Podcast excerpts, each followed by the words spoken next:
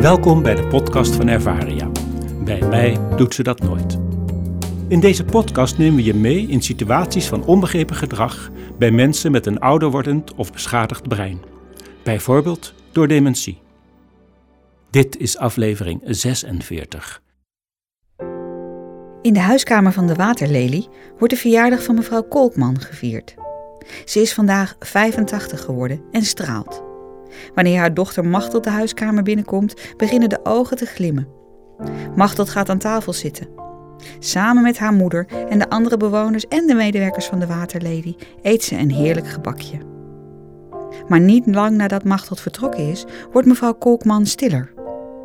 Met het verstrijken van de middag zegt ze vrijwel niets meer, ondanks dat Samira en Rob diverse keren een gesprekje met haar proberen aan te knopen. Pas avonds, als vrijwel iedereen naar bed is en Jeannette, die vandaag late dienst heeft, mevrouw Kolkman feliciteert, komen de woorden weer. Mooie boel is het. Schande als je ouders niet eens op je verjaardag komen, klinkt het. Jeannette probeert mevrouw Kolkman uit te leggen dat haar ouders niet meer in leven zijn. Mevrouw Kolkman zelf is immers al 85 jaar. Maar het werkt averechts. Mevrouw Kolkman wordt alleen maar verdrietiger. Jeannette komt tot het inzicht dat het geven van zo'n uitleg in deze situatie niet de manier is.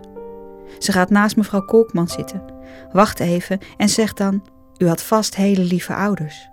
Het lijkt me heel moeilijk om ze te missen op zo'n speciale dag als vandaag.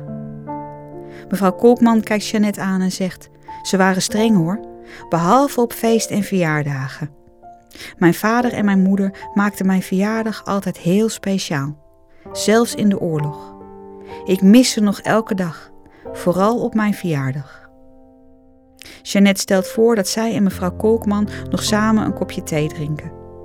Ja, gezellig, zegt mevrouw Kolkman met een glimlach. Dan maken we er samen een fijne avond van. Mensen met dementie hebben niet meer het vermogen om hun gedachten en gevoelens precies te formuleren.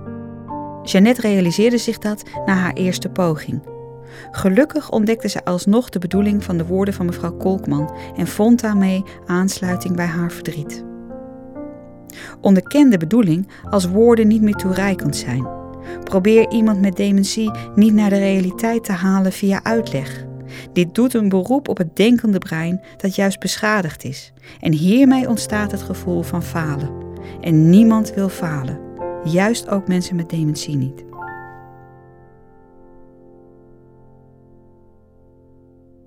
Meer informatie is te vinden in ons boek Bij mij doet ze dat nooit. Je kunt ook de website www.ervaria.nl bezoeken of mailen naar info.ervaria.nl. Bedankt voor het luisteren.